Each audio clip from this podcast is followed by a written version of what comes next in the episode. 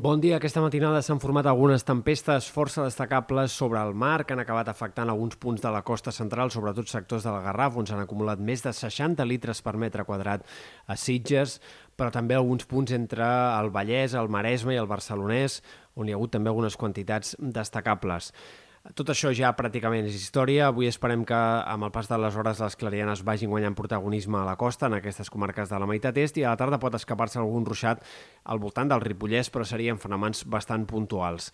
De cara a demà, però, la inestabilitat anirà a més. Aquesta pròxima matinada, de fet, eh, poden tornar a formar-se algunes tempestes a prop de mar,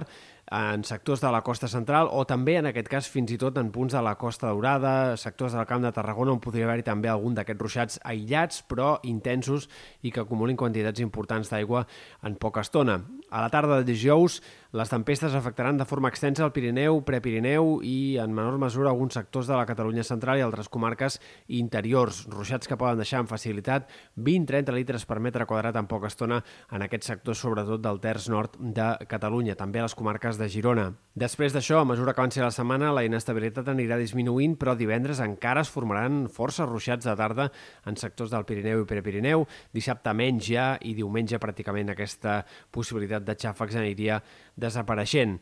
Pel que fa a les temperatures, no hem d'esperar un gran canvi, tot i que ja s'ha notat una refrescada aquesta passada nit, no hem tingut ja cap nit tòrrida ni tan sols al voltant de Barcelona, la mitjana de les mínimes ha baixat, ha baixat fins al valor més baix des del 12 de juliol, però no hem d'esperar que la cosa baixi gaire més d'això. Eh, les pròximes nits la humitat seguirà sent alta, els núvols evitaran que la temperatura es reculi gaire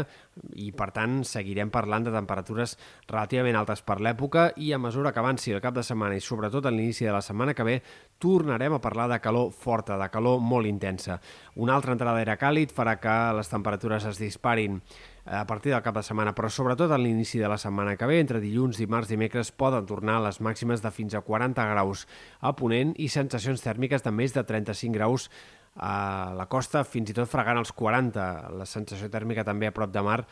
ja segurament a l'inici del cap de setmana, però sobretot també de cara a la primera part de la setmana que ve. Per tant, eh, lleugera baixada de la temperatura, petit respir, però la calor forta que seguirà marcant aquest estiu i, per tant, el decorat que ha de canviar poc de cara a l'inici del mes d'agost.